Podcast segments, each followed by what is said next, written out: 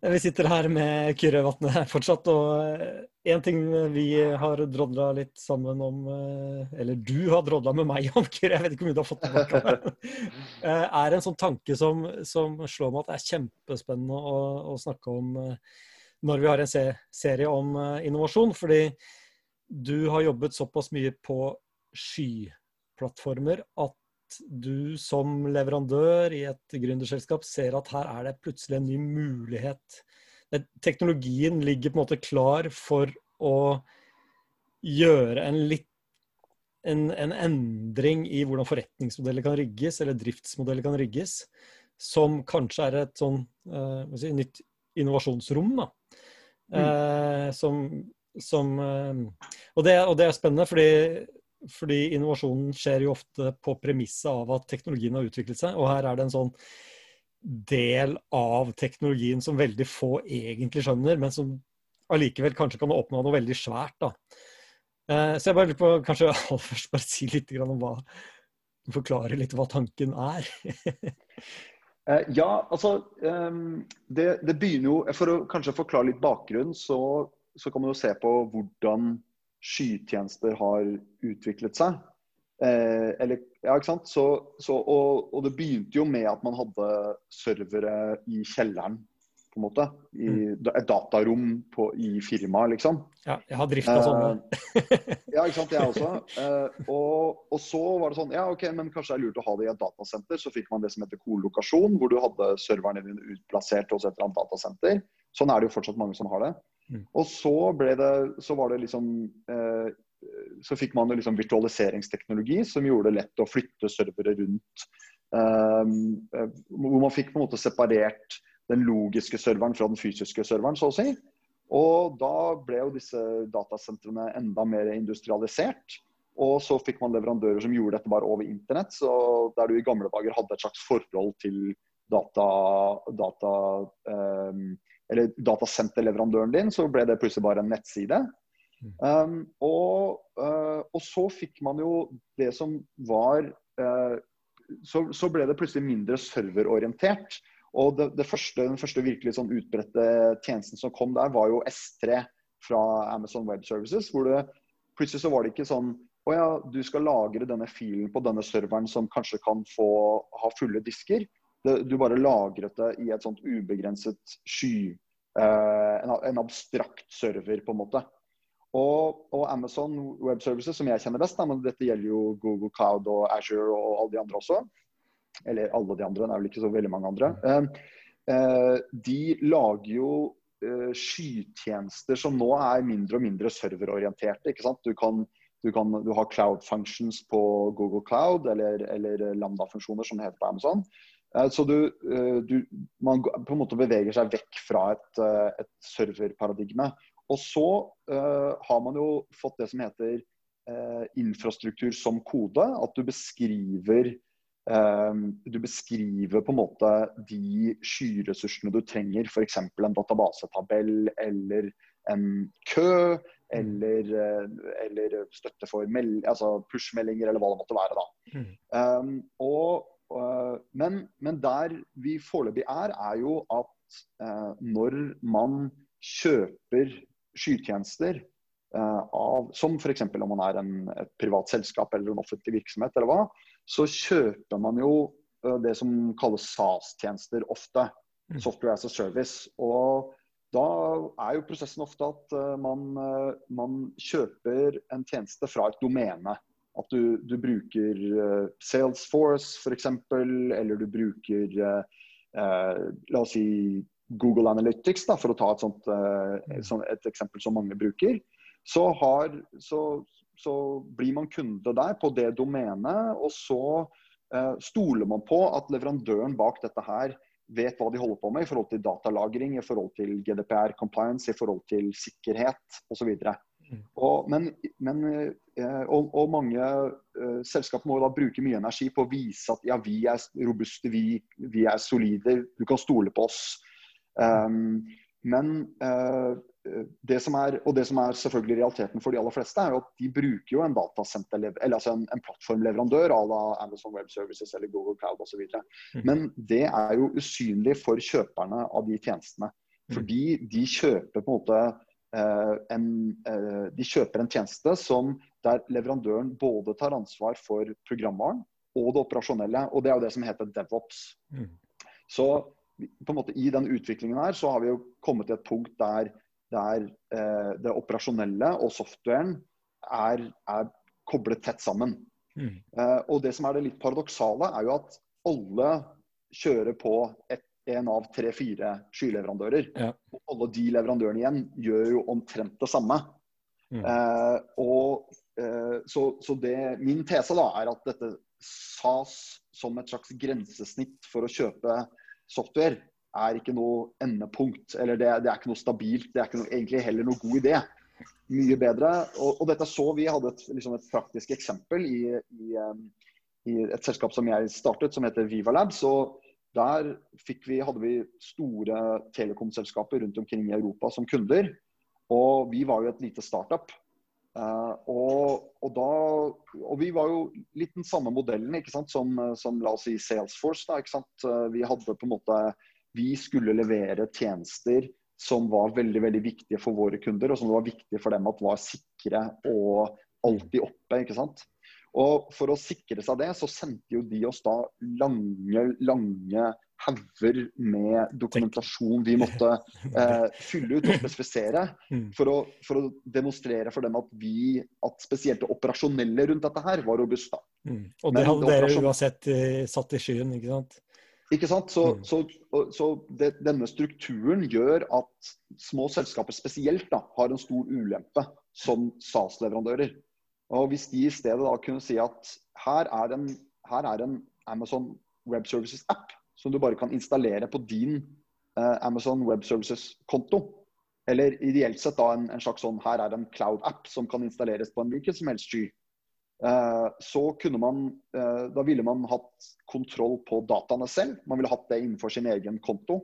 Man ville hatt kontroll på Man kunne hatt transparens, eller altså gjennomsiktighet på, på hvordan den tjenesten er bygget opp. Sånn at man kunne eh, på en enkel måte etablere tillit for, det, for at dette er godt softwarehåndverk. da. Mm. Um, og, så, uh, og så kunne man, da ville man redusert risiko, og man ville på en måte latt uh, Man ville, man ville latt uh, da de som kjøper softwaren, i stedet ha bare et direkte forhold til Amazon Web Services eller Google Cloud, som uansett på en måte er der under mm. overflaten. da. Gir det mening for deg, Kristoffer? Du har jo bruker jo skytjenester selv. I hytte og gevær, si. Eh, jo da, jeg, eh, jeg syns det høres uh, veldig spennende ut. Uh, som vi prata litt om før vi begynte å ta opp det her, så minnet dette meg veldig om en slags sånn plug-in-arkitektur. Uh, som man allerede har på f.eks. Firebase and extensions. det finnes helt sikkert tilsvarende for Amazon og, og Asher. Men uh, at man egentlig lager en feature som man rett og slett bare kan installere og konsumere uh, i den skyinfrastrukturen som man har godkjent allerede.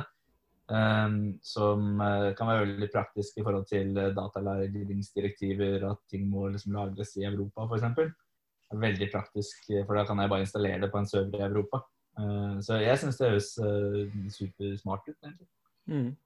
Jeg prøvde å vri hodet mitt rundt dette veldig tidlig. Jeg er ikke sikker på at jeg har fått med alle detaljene her, men eh, altså, jeg har jo vært med på prosjekter hvor, eh, hvor det vi har lagd er, er i skyen, og, og, og si, hele løsningen på en måte pakkes opp fra et uh, infrastrukturskript hver gang. Så det er, det er en slags boble, en virtuelt uh, uh, egentlig svært nettverk inne i en sky.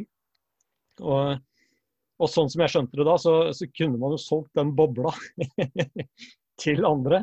Eh, altså hvor kunden da eh, allerede er på den samme skyen, men da får et slags ikke en software-løsning, men de får en, en, eh, skript som pakker ut både nettverk og infrastrukturen pluss softwaren inn i sin egen, eh, hos sin egen skyleverandør.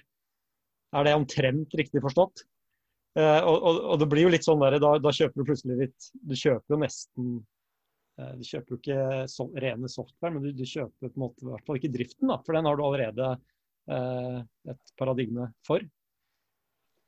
Ja, ikke sant. og det, det, det, er absolutt i tråd med det, det jeg tenker. Og, og som, som, du er inne på, Kristoffer, så er jo dette er jo ikke et uh, produkt som er så lett å lage for eksterne utviklere. Fordi denne typen innovasjon må nesten komme Det er klart man, man kan lage noen, noen, som, noen, løsninger som letter deler av dette her, men antagelig må denne innovasjonen komme fra skyleverandørene selv. da. Um, og, og, bare sånn rask kikk på det Firebase Extension, så er jo det litt sånn litt i, absolutt i denne gaten, men med ganske enkle use caser. da. Så du kan se for deg at du har, at du har en, en, en, full ikke sant? Se for deg at du kan at du kan installere en full skytjeneste som kanskje har hundrevis av databasetabeller, uh, flere forskjellige meldingskøer. Detter du, Kyrre? Har du dårlig, dårlig nettverk hjemme? Det er dataen, gitt. Der var det. Ja. Hvilken sky er du på? holdt jeg på å si? jeg tror det var uh, rett og slett et lite software-problem lokalt der. Den bare krasja. Ja. Ja. Mm.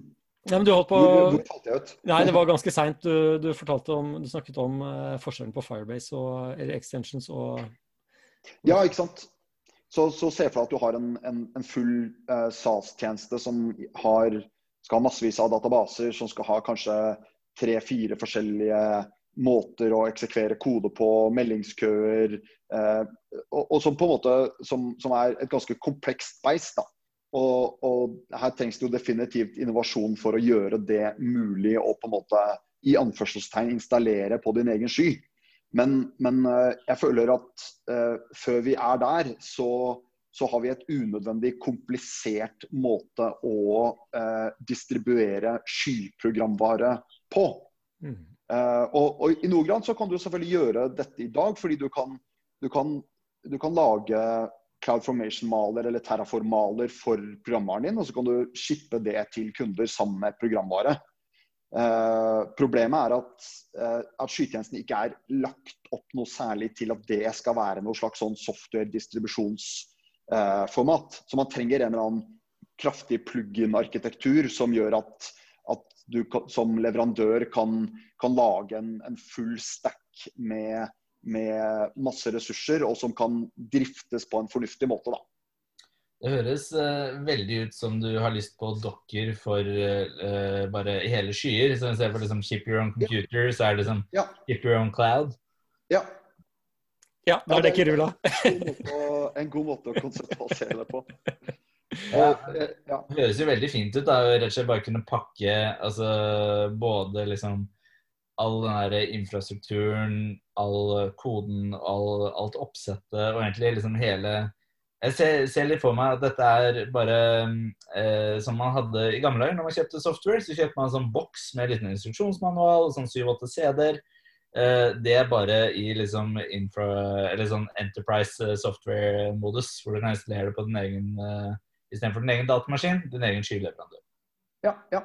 Ja, ikke sant. Og det, det er, det, akkurat du er inne på der, at det, det, er en sånn rar parallell. Det er, så, det er gøy med hvordan eh, utviklingen i datahistorien er veldig sånn syklisk. At man kommer tilbake til liksom, de, samme, eh, de samme paradigmene, men på en helt ny måte.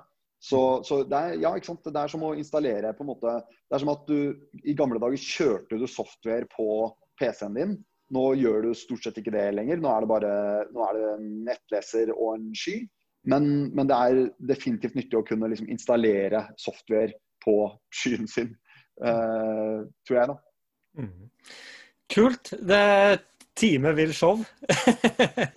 det, jeg synes det er veldig, dette er jo en viktig del av dette med innovasjon. Det er å se de mulighetene som oppstår, og som kanskje ligger der nesten modent i den teknologien som, eh, som vi sitter og drodler med eh, hver dag.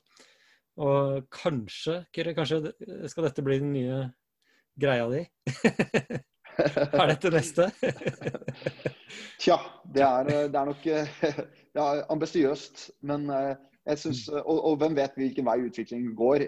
For meg fremstår dette bare som eh, et, Det hadde løst eh, mange problemer for mange selskaper, tror jeg, som man, man kanskje ikke tenker så mye på at man har, før man ser hva en, en, en god løsning på det kunne vært. Da. Nemlig. Og hvis, hvis, dette utvikler seg i den retningen der, så vil det jo da være masse muligheter for nye eh, oppstartsselskaper å, å, lansere produkter på en annen måte. Eh, og, og, kanskje lettere få dem ut til store kunder. Ganske kult. Mm. tusen takk for praten, begge to. Ja, takk. Takk det samme.